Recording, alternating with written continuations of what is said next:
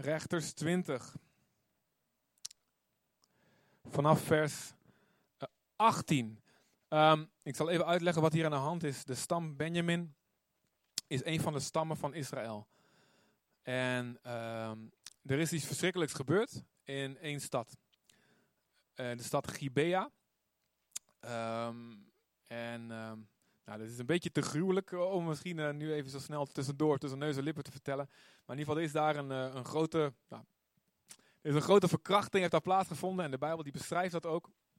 En um, dit is iets wat niet kan worden toegestaan. De hele stad eigenlijk, die lijkt daarachter te staan. En als de rest van het volk ervan hoort, zeggen ze, nou geef ons, die, geef ons de misdadigers.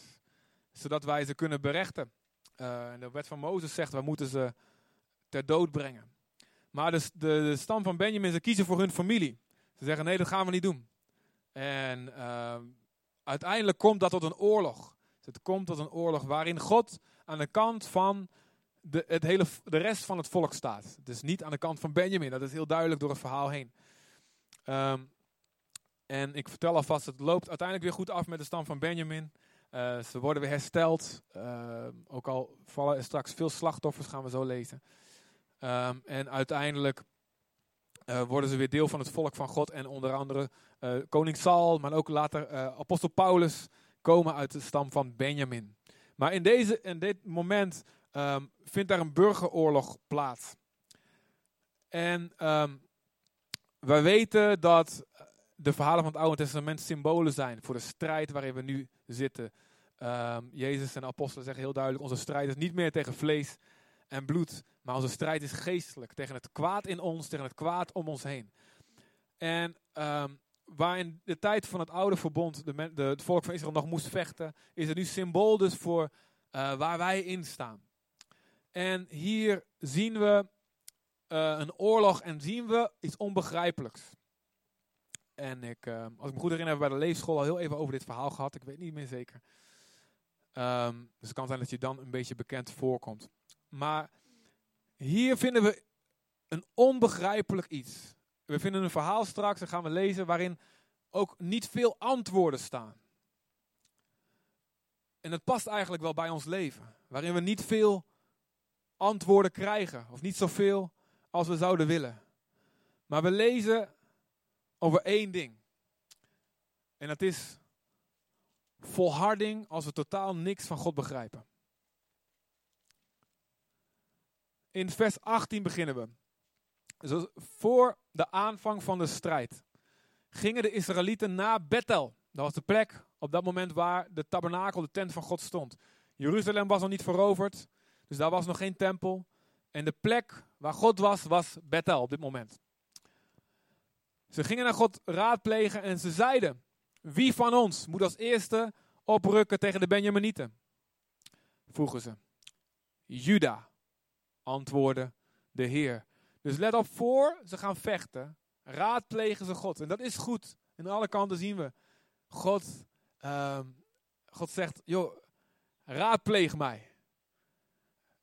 Uh, vraag mijn advies. En er staat als ergens anders waar, God, waar het volk God niet raadpleegde. Dat ze verkeerde beslissingen maakten. Dat ze in de problemen kwamen waar God helemaal niet wilde dat ze inkomen. Ken je dat wel eens? Misschien in je eigen leven? Of, of mensen waar je van houdt? Ze, ze, ergens dienen ze God, maar voor hun beslissingen raadplegen ze of raadplegen wij God niet. En voor je het weet zit je in een, aan een contract vast. Of je zit in een relatie waar je niet zomaar uit kan. Je zit in een situatie of in een plek waar je niet zomaar weg kan. En je merkt, je komt in een strijd en je komt erachter, wow, God heeft het niet voor mij gewild. Als ik maar Gods advies had gevraagd, had gezocht, was ik nou niet in deze strijd gekomen. Maar deze mensen raadplegen God. En als je de rest van richter of rechters leest, dan zie je dat ze eigenlijk in heel veel gebieden helemaal niet goed bezig waren, Israël. Dus dit staat symbool voor mensen die niet perfect zijn, maar die in hun onvolmaaktheid wel God zoeken. En ik weet niet of hier wat imperfecte mensen zitten vandaag. Zitten hier wat onvolmaakte mensen vandaag? Ja? Zit je naast iemand, misschien ben je zelf volmaakt, maar zit je naast iemand die wel een beetje imperfect is? Kijk even, ruik eventjes. Wij zijn allemaal onvolmaakte mensen, ja toch? Wij dienen allemaal God niet 100% zoals zou moeten. Ik? Nou, ik wel. Nou, dan ben je hoogmoedig en dan heb je al je fouten pakken. Ook als je het beste wil, er zijn altijd dingen die, ont die ontbreken en we danken God voor zijn genade. Dat hij ziet waar we het echt niet weten. Heel even een paperclip hebben of zo. Een bijbel terug. Even kijken. Een wasknijper, fantastisch. Echt waar. Het leven van een zendeling. Gaat ie. dus een, maar dit zijn onvolmaakte mensen die hun best doen om God te zoeken. En ze vragen niet alleen, Heer, moet, moet ik deze strijd wel aangaan? Ze vragen ook nog advies. Hoe? Heer, hoe moet ik het dan doen? Wat moet ik als eerste doen? Helemaal goed, dubbel goed. Je vraagt niet alleen God, moet ik deze strijd aangaan? Je vraagt ook nog een keer, Heer, hoe dan? Welke stap moet ik zetten? En God antwoordt je dan. Nou, het verstaan van Gods stem is voor ons allemaal een mysterie. En veel gesprekken. Soms in de, in de leefschool, in de connectgroep of als onderling, als ik dat afspreek. Um, en het, dit is voor onszelf ook nog een vraag. Hoe versta je nou Gods stem? En het is elke keer anders. En God houdt je altijd afhankelijk van hem. Hij doet het nooit op een vaste manier. Nou, gooi met een dobbelsteen. Als het twee keer zes is, is het ja. Als het twee keer één is, is het een nee. En al het andere is nog een keer gooien. God spreekt altijd binnen een relatie, nog nooit volgens een methode. Hij zegt nooit, hij, hij, hij is geen machine en je moet op de juiste formules drukken. En het maakt eigenlijk niet uit hoe je hart eraan toe is. Hij geeft wel een antwoord als je op de juiste manier het doet. Je moet met je linkerhand zo, zoveel graden omhoog en dan. God doet altijd in een relatie zijn ding. Hij, houdt, hij spreekt altijd zo. Hij wil je leven leiden. Hij wil ons leven leiden. Maar altijd op zo'n manier dat je hard naar hem op zoek moet. Maar goed, zij krijgen een antwoord van God. Waarschijnlijk via de efot, het priesterkleed, vroegen ze advies van God. En God sprak, Juda moet als eerste gaan. De eerste familie, de eerste leger, zeg maar, wat moet gaan. En de volgende morgen vroeg sloegen de Israëlieten hun kamp op bij Gibea. Dat was de stad van de Benjamin. En ze rukten uit tegen de Benjaminieten en stelden zich in slagorde op om de stad aan te vallen. Maar het leger van Benjamin deed een uitval vanuit de stad en doodde die dag 22.000 man van Israëls leger. Wacht nou eens eventjes. Hebben ze niet God geraadpleegd? Heeft God niet geantwoord hoe ze het moesten doen? En gehoorzaamden ze Gods stem dan niet ook gewoon? Wat gaat hier nou mis? Ze verliezen. Wat is hier aan de hand? Als je oppervlakkig denkt, dan denk je, als je God, als je God trouw bent, gaat het altijd goed. Bereik je altijd in één keer je doel. In één rechte lijn naar boven. Ja toch?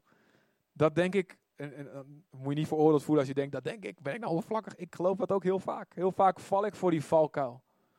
Je denkt, je vraagt God advies, je doet wat hij zegt. In één keer, bingo. We winnen de lot uit de loterij. Een, een huis, een auto. Alles wat je nodig hebt, valt voor je voeten. Maar de praktijk wijst, uit dat het niet zo is. En hier zien we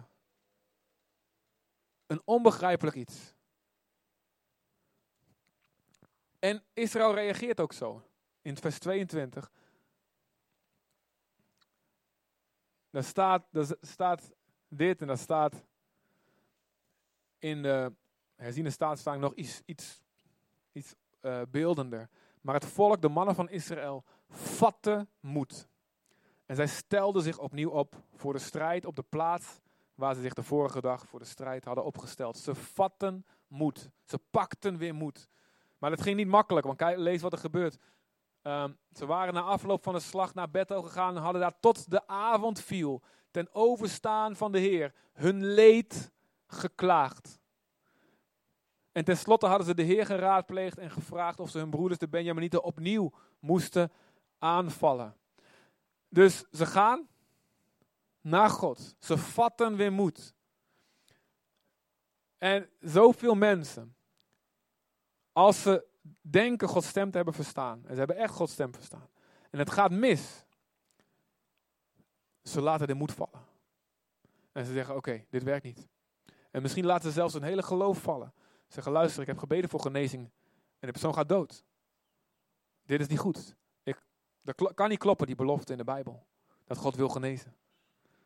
Het kan niet kloppen dat God wil zegenen. Want ik heb, ik heb het toch gedaan. En, dat, ik, ik, ja, God spreekt vast vandaag niet meer. Want ik dacht echt dat, God verstond, God, dat ik Gods stem had gehoord. Maar in plaats daarvan gaat het mis. En in plaats van dat je een overwinning behaalt, komt er een nederlaag. Je verliest 22.000 mensen, 22.000 weduwen, 22.000 gezinnen zonder vader. De rest van hun leven. Dit is serieus. En het is eigenlijk al onbegrijpelijk dat Israël teruggaat naar God. Dat ze zeggen, wat is dit? Wij moeten naar God terug. Wij moeten weer moed vatten. Maar wat ze wel doen, ze klagen hun leed. Ze huilden, ze jammerden. Is dat fout? Hadden ze meteen gewoon mond dicht en doorgaan? Nee. God zegt zelf in zijn woord, in de psalmen en de klaagliederen, je stort je hart uit bij mij. Laat mij je pijn weten. En in de psalmen staan dingen waarvan je zou zeggen, dat mag je helemaal niet zeggen tegen God. In de psalmen staan dingen zoals, God, waar is uw kracht? Ik heb gehoord van, van de verhalen van vroeger, maar in mijn leven heb ik die kracht niet gezien. Dat staat in de Bijbel. Dat mag je dus bidden. Is dat niet respectloos? God wil dat je eerlijk vertelt wat in je hart leeft en wat je niet begrijpt. Want anders of je haakt af of je wordt een, hoe heet dat? Een botox gelovige met een plastic smile. Uh, en het is, het is niet meer echt, het is niet meer authentiek. De enige manier is om, als je het niet begrijpt, om eerlijk te zijn. Heer, met alle respect, ik snap dit niet. Ik wil doorgaan, ik wil moed vatten, maar waar bent u? Ik heb, heb ik dit verkeerd verstaan? Israël gaat opnieuw uiteindelijk, na uren en uren, samen bij God zijn en alles neerleggen, gaan ze opnieuw raadplegen. Het is een wonder toch dat ze dat doen. En de, ant, de Heer antwoordt ja, val hen aan. Ga ermee door. En toen de Israëlieten op de tweede dag nogmaals tot de aanval overgingen, deden de Benjaminieten opnieuw een uitval vanuit de stad en doden nog eens 18.000 bedreven Israëlitische krijgslieden. Nou, dat gaat al een stuk beter. In plaats van 22 zijn er nog maar 18. Nee, dit is bizar. Tragisch. Wie nou niet opgeeft, die is echt helemaal, dan ben je echt helemaal gestoord. Ja, toch? Leef je in in deze mensen. Leef je in in het volk van God. Al zo omringd door afgoderij. Allemaal andere afgoden om je heen. Allemaal andere opties om je heen om te aanbidden. Die misschien veel betere resultaten lijken te geven in de verhalen. En jouw God antwoordt je twee keer.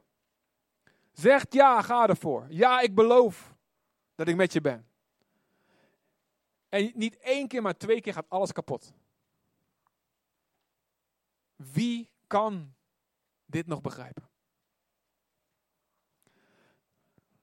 En ik weet niet wat jij meegemaakt hebt. En sommigen van ons zijn gezegend met een, een, een glad leven.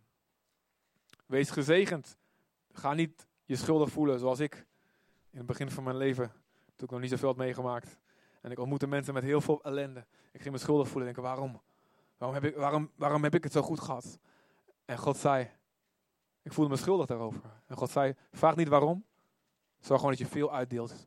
Als je je nu hierdoor, omdat het goed, je gezegend bent geweest, je sterk voelt, zorg dat je veel uitdeelt aan de mensen die het minder goed hebben gehad. Die meer verwonding al hebben opgelopen. Maar misschien ben je zelf al door deze diepte gegaan. En denk je, dit is precies mijn situatie. Ik heb God vertrouwd, niet één keer, maar twee keer en drie keer en vier keer. Ik ben hem trouw geweest. Ik heb het goed gedaan. Zo goed als ik kon. God wist dat ik niet beter kon. Ik heb hem gezocht. Ik heb hem geraadpleegd. Ik heb weer moed gevat. En ik heb mezelf weer van de grond opgetild. En ik heb gezegd, Heer, hier ben ik weer. En ik denk, nu zal het wel komen. En in plaats daarvan kwam er nog een klap. En nog een klap. En nog een klap. Jozef was net zo iemand. Hij kreeg een visie van God. Je zal gebruikt worden, je zal een prins zijn. Je familie, ze zal, zullen voor jou buigen. Je zal een bron van zegen zijn. Hij had een droom. En hij, hij gehoorzaamde God. Hij bleef trouw aan hem. In plaats daarvan wordt hij in een put gegooid. En vanuit de put wordt hij een slaaf. En moet hij in Egypte piramides poetsen en dingen. En wat die sphinxen en sarcofagen en hieroglyphen en al die Egyptische dingen. En hij doet het zo goed dat zijn baas nergens meer naar hoeft om te kijken. Jij bent zo betrouwbaar. En er komt een vrouw, een van de knapste dames waarschijnlijk van Egypte, want die trouwde met de belangrijkste dude. Misschien had ze een paar Miss Egypte verkiezingen gewonnen. En elke dag, niet één keer, elke dag kwam ze bij Jozef. Hey, kom, mijn man die is uh, de Nijl aan het inspecteren. Hij komt voorlopig niet terug. Kom lekker in bed. Lekker warm. Lekker knuffelen. Er zijn kinderen bij. Dus, uh. Maar hij was trouw aan God. Hij bleef trouw. Hij rende weg en hij zegt, nu zal ik wel beloond worden voor mijn trouw. En in plaats daarvan ging hij nog dieper. Ging hij de gevangenis in. En niet zo eentje zoals bij ons. In deze tijd. Nou goed, ik weet op Aruba is het toch geen pretje misschien. En niet zo Nederlandse tenminste. Met uh, wifi en zo. Maar echt een echte Egyptische gevangenis. Met zo'n rotten skelet, weet je. En ratten die aan je knagen. En hij had 14 jaar lang. Liet God niks van zich horen. Terwijl hij maar trouw was. En ook in de gevangenis werd hij de beste. Bleef hij trouw aan God. Er staat niet bij hoeveel hij geworsteld heeft. Maar we kunnen het wel zien aan wat hij later zegt. Dat hij in de duisternis en de diepte, dat hij God ontmoet heeft. 14 jaar mensen, God trouw blijven. 14 jaar, klap na klap krijgen. Maar jezelf weer opstellen op dezelfde plek. Teruggaan naar God.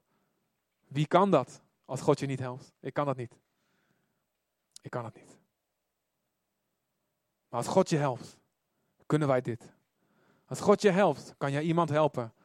Als je misschien niet zelf hier doorheen gaat, maar iemand die dat wel doet. Het verlies van een kind. Het verlies van een droom. Het knakken van iets en iemand. Er staat, zij vatten moed. En ze raadpleegden God weer. Ze gingen weer naar Bethel. Ze vasten de hele dag. Ze klaagden op de grond gezeten. Hun leed ten overstaan van de Heer. Ken je dat gevoel? Dat je niet eens, je wil niet eten. Je wil niet zelfs niet eens drinken. Je zegt, ik, wil, ik hoef niks meer. Ik wil mijn leven niet onderhouden als God niet komt. Toen de avond was gevallen, brachten ze de Heer brandoffers en vredeoffers. En daarna, onvoorstelbaar, raadpleegden ze de Heer. Na 18.000, 22.000 doden, raadpleegden ze de Heer weer. De ark van het verbond met God bevond zich in die tijd namelijk in Bethel. En de priester Pinegas, zoon van Eleazar, zoon van Aaron, kleinzoon van Aaron, deed de dienst in het heiligdom. En ze vroegen, moeten we onze broeders, de Benjaminieten, nog een keer aanvallen of moeten we het opgeven? Vroegen ze. En de Heer antwoordde, val aan. Morgen lever ik hen aan jullie uit. En nu zien we in de rest van het verhaal, ik zal je vertellen, de afloop, ze winnen. Israël wint de oorlog. De Benjaminieten worden verslagen, het leger. De stam Benjamin wordt hersteld en, en blijft voortbestaan. Maar ik wil hierbij stilstaan. De Bijbel zegt in Hebreeën 10, je hebt volharding nodig terwijl je de wil van God blijft doen om de belofte te verkrijgen. De Bijbel zegt in Galaten 6, vers 9, word niet moe om het goede te blijven doen, want als het eenmaal tijd is, dan zullen wij de oogst binnenhalen als we niet verslappen. Stel je voor, de boer, voor die boer die wegloopt vlak voor zijn graan boven de grond komt. Hij ziet niks gebeuren. Zo wil God dat wij volharden. Ook als je het niet begrijpt. En dit gaat zo diep. Alleen als je erin zit, of je hebt erin gezeten, kan je dit snappen. Vastbijten in de belofte van God, terwijl je niks van God snapt. Terwijl je eigenlijk boos op hem bent. Sommigen van jullie kennen het verhaal dat we in 2004 probeerden om kinderen te krijgen. We waren een paar jaar getrouwd en we voelden het is de tijd. En ik had, er ook, ik, ik had nog een paar jaar uh, langer willen wachten. Maar Nathalie zei, uh, volgens mij moeten we het nu gaan doen. Moeten we er nu voor gaan. En ik zei, geef me een dagje. Dus ik ging het bos in. Even mijn favoriete bossen, vlakbij Deventer. En uh, dat was altijd mijn manier om eventjes te disconnecten van alles. En ik liep rond en ik zeg, Heer, moeten we dat gaan doen? Is het nu de tijd? Ik dacht, nog even wachten. En ik voel heel duidelijk God zeggen meteen, doe het, doe het. Het is, is goed, het is een goed moment. En, ehm, en toen uh, kwam terug uit het bos. Ik zeg, nou, we gaan ervoor. En uh, zei, nou, we hebben nog één obstakel, want Nathalie moest nog anderhalf jaar haar studie afmaken. Uh, dus dan moet dat wel, ja, dat is wel een probleem, want anders dan moet ze, komt het kind uh, midden tijdens het laatste jaar.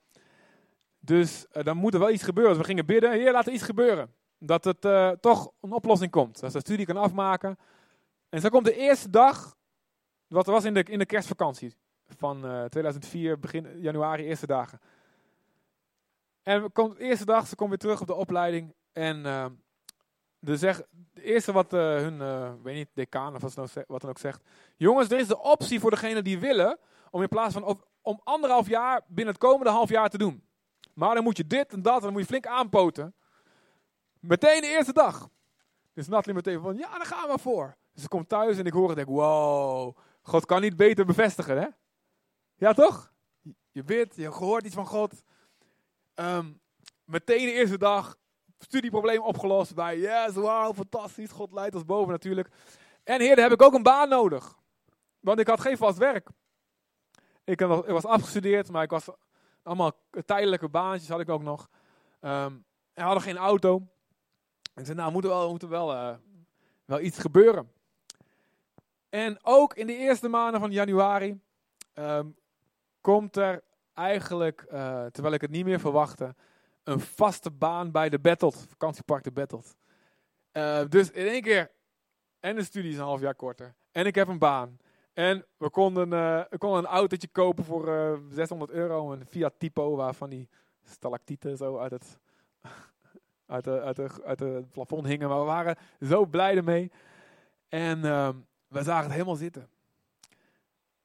Maar ergens in, uh, ja, in, in, die periode daarna.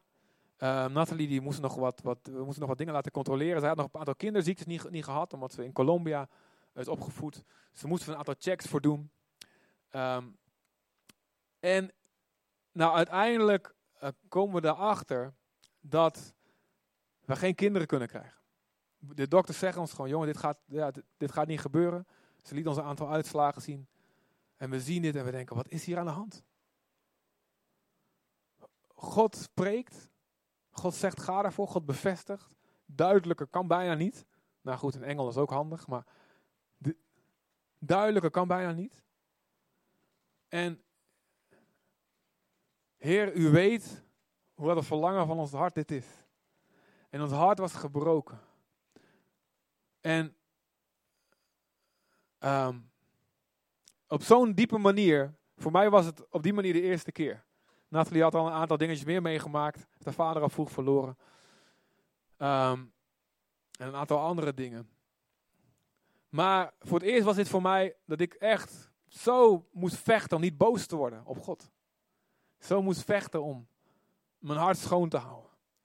En elke keer als ik weer het bos inliep en ik begon weer en ik zei: God, ik ga mijn hart uitstorten zoals u het zegt. Bewaar me, Heer, ik wil u niet beledigen. Ik wil goed, juist tegen, tegen u blijven praten. Ik wil respectvol met ontzag voor u blijven spreken. Maar u zegt ook, ik moet mijn hart uiten. En dan begon ik. En ik schreeuwde letterlijk het uit. En samen hebben we dat gedaan in gebed. Ik zei, heer, wat is dit? Misschien waren er nog een aantal opties die uh, na een hele lange tour moesten we heel veel stappen tussendoor zetten. En er zou misschien nog wat kunnen gebeuren qua kunstmatige dingen. Um, maar er was allemaal niet, niet wat, wat op. Ja. Wij waren, voor ons leek de hemel van koper. En ik schreeuwde het uit. Ik zei, hey. En dit heb ik, dit heb ik ja, maanden gedaan.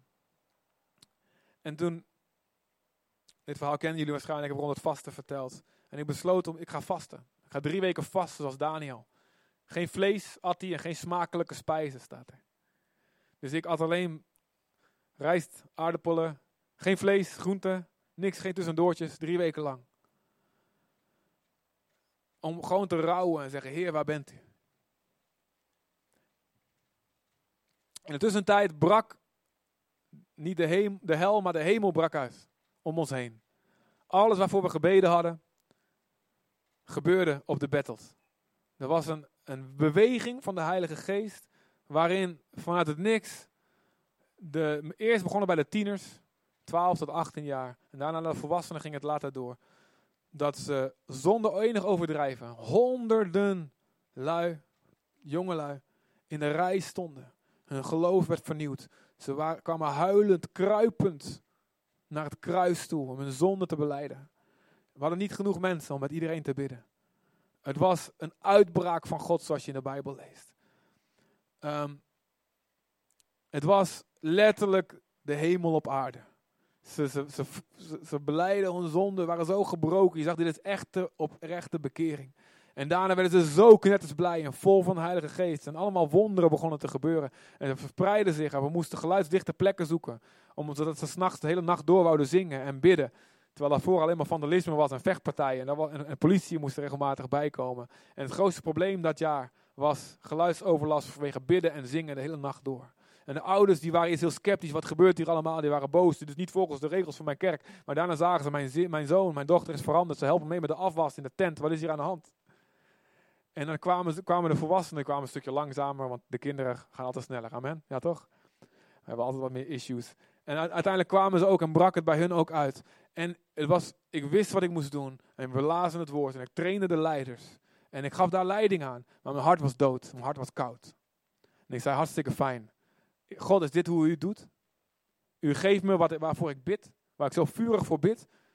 Terwijl ik er niet van kan genieten omdat ik, wij van binnen kapot zijn. Omdat ik daar die dingen meemaak. En dan kom ik thuis. En, en ik ontmoet de dood. Heer, dit is niet oké. Dus ik was onder protest. Leidde ik, zeg maar, leidde ik een beweging van de geest. Of ja, de geest deed zelf. Je was meer gewoon manager. Wat de, de, de aftermath, zeg maar. De nasleep ervan. Uiteindelijk en ik weet, bij sommige mensen gebeurt dit niet. En daarom vind ik het moeilijk ook om dit soms te delen. Uiteindelijk liep dit goed af. Precies na drie weken kreeg Daniel zijn antwoord. Drie weken geleden ben je al verhoord. Maar het kostte de, engel van God drie weken om door de geestelijke tegenstand heen te komen. Met de boodschap die hij zocht. En zo ook bleken wij drie weken zwanger te zijn van ons cirkeltje Jeremy. Zo stond hij op de echo exact verhoord vanaf het begin. God gaf de overwinning. Maar ik weet ook, er zijn ook lieve vrienden van ons, waarbij het helemaal nooit gelukt is. En inmiddels hebben ze hun geloof gepakt. En zien ze God in hun leven. Maar deze vraag zal misschien nooit beantwoord worden. En zo hebben er veel mensen, misschien sommigen hier, misschien mensen die je kent, vragen: waar is God? Waar is God? Ik zoek hem toch. Ik ben toch trouw. Ik ben toch trouw als slaaf. Ik ben toch trouw in de gevangenis, in de put. En ook bij Jozef zien we, van de een op de andere dag kwam, kwam de droom uit. Werd hij verhoogd. En was zijn hart klaargemaakt door de pijn, door het proces. Zijn hart klaargemaakt om een zegen te zijn voor die broers die hem dood wilden. Hij kon niet zijn als Jezus voor de mensen die hem kruisigden. En de Bijbel geeft geen antwoord waarom God eerste keer, tweede keer niet meteen de overwinning gaf. Ook later zie je geen uitleg bij dit verhaal. Paulus krijgt geen uitleg als hij God vraagt: waarom neemt u die engel van Satan niet weg, die mij met vuisten slaat? Veel mensen hebben dan uitleg aan willen geven, zal die symbolisch zijn. Nou ja, ik neem het gewoon letterlijk als er, als er niks anders bij staat. Dus waarschijnlijk kreeg hij gewoon echt. Of was het de vervolging van mensen en dat het een demonische macht was die door, door mensen heen hem letterlijk sloeg. Maar hij zegt, God neem het weg. Neem het van mij weg. En God antwoordt tot twee of drie keer toe. Misschien wel helemaal parallel aan dit verhaal. Wat gaat over de stam van Paulus, Benjamin. Mijn genade is jou genoeg, Paulus. Ik neem dit niet weg. Ik weet niet waar jij bent nu in je leven, of waar je bent geweest in je leven, waar je misschien gaat komen. Of hoe je iemand tot steun moet zijn die hier doorheen gaat. Er zijn geen makkelijke antwoorden. De vrienden van Job gaven makkelijke antwoorden. Je zit in de problemen, want je hebt gezondigd. Je krijgt klap na klap, want je bent fout. Weet je hoe, hoe hard dat is? Als je ziek bent, als het slecht gaat. En mensen komen naar je toe en zeggen, het is omdat je niet vergeeft. En het moeilijke is, soms klopt het. De Bijbel zegt, soms zijn mensen ziek. 1 Korinthe 11. Omdat ze niet zuiver met de Heer leven. Maar dat kun je nooit zomaar zeggen. Je kunt nooit op een oppervlakkige manier oordelen. Het kan alleen nadat je heel lang al naast iemand gestaan hebt. En van die persoon houdt als van jezelf en bereid bent je leven te geven. Dan misschien, misschien geeft God je een woord om te helpen, om iemand te helpen zijn weg te corrigeren. Misschien. Maar daar moeten we heel voorzichtig mee zijn. En voordat we de liefde op Jezus niveau hebben in ons hart, moeten we daar eigenlijk helemaal ver weg van blijven. Maar God wil dat je volhardt. God wil dat je volhardt niet alleen in moeilijke situaties in je leven, maar ook als jij een visie hebt, een droom hebt, waar je zo lang met je voet op die grond hebt gestaan. En je zegt, waar is God? En je trekt je voet langzaam terug je zegt, nou het zal wel niet voor mij zijn. Ik dacht ooit, ik ga dit beginnen. Ik ga dit zendingswerk beginnen. Ik ga deze kinderclub starten. Ik ga op zo'n manier zo'n huwelijk hebben. Ik ga zo'n gebedsleven hebben. Ik ga zo God dienen. Je zag het voor je. En stap na stap, of door je eigen fout, of dat je voortdurend afgeleid bent, of door dingen die onverwacht gebeuren in het leven, vervaagt die visie. Maar God is hier vandaag en zegt, stel je weer op op de plek waar je gisteren stond. Klaag je leed bij God. Stort je hart uit. Vast desnoods. Rouw om wat misging. Maar raadpleeg mij weer. Ik zal de overwinning geven. Waarom staat God Satan toe? Nog actief te zijn. Hoe kan Paulus zeggen? Ik wou dit en dat naar jullie toe komen, maar de Satan heeft het mij verhinderd. Hoe kan God toestaan, de Almachtige God toestaan, dat Satan Paulus verhindert? Dat Satan Paulus slaat.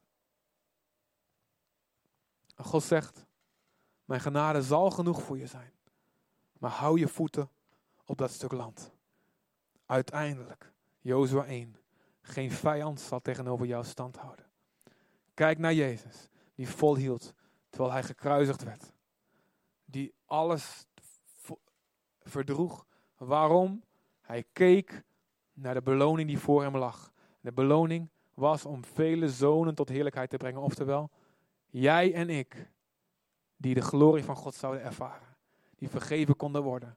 Jij en ik, wij waren de reden dat Jezus doorging. Om die reden, als jij in een probleem zit, of als jij niet snapt waarom jouw droom, jouw visie, jouw doel, wat je zo lang voor bidt, niet uitkomt. Lieve broer, lieve zus, hou je voet op die grond. Blijf staan. Ook al krijg je klap na klap en begrijp je het niet waar het naartoe gaat.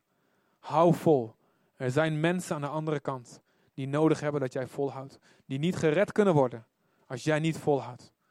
Er zijn kerken die niet gaan ontstaan of die gaan klappen als jij niet volhoudt. Er zijn gelovigen die een geloof gaan verliezen als jij niet volhoudt en aan de andere kant komt. Als jij niet je voet op die grond houdt. Er zijn mensen die in de duisternis wandelen op weg naar het oordeel. Die niet Jezus zullen zien en gered en vergeven zullen worden. Als jij niet volhardt. Dus volhard als Jezus, volhard als Jozef, volhard als dit volk. Of je nou God begrijpt of niet. Het is onmogelijk zonder Gods hulp. Om te volharden. Het is onmogelijk, het is onmenselijk, het is bovenmenselijk. En om die reden zegt God, ik ben hier. Ik vul jou. Kom bij mij. Stort je hart uit. Wees authentiek. Ik zal je genoeg geven. En dit zal ook, deze strijd zal ook niet je leven lang duren. Je komt eruit. Je komt eruit. Maar ik maak je door alles wat je niet begrijpt. Ik maak je klaar om als je eenmaal aan de andere kant bent, vast te houden wat ik je geef. Amen. Zullen we onze ogen even sluiten allemaal? Moment.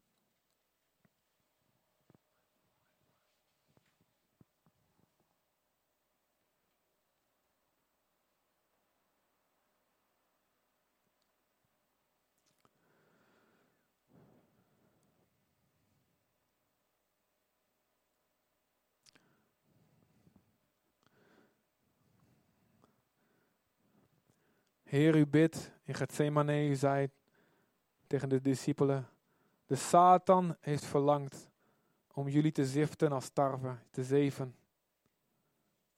Maar ik heb voor jullie gebeden dat jullie geloof niet zal bezwijken. Dat jij hier bent en deze woorden hoort, betekent dat je Gods gunst gevonden hebt. Want God wil dat je volhoudt.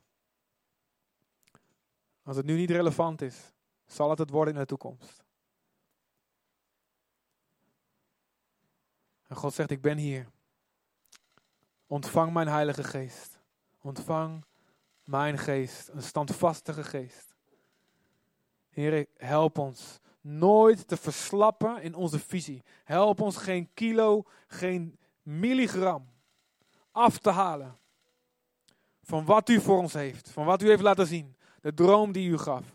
Heere, u bent in staat u bent in staat om het te doen door onze zwakheid heen. U bent in staat om ons de overwinning te geven. Al snap ik u niet. We roepen naar u, Heer. God, u bent trouw. U zal ons vasthouden. U zal ons ondersteunen. Kom nu over iedereen die dit nodig heeft, Vader. Kom, ontmoet ons waar we zijn. Ontmoet ons waar we zijn. Wat was je droom? Waar ben je het kwijtgeraakt? Pak het weer terug. Zeg, ik weet niet hoe, ik weet niet waarom en mijn verstand zegt het is te laat. Maar pak het, zeg, ik geloof het. Ik geloof, ik geloof, ik geloof.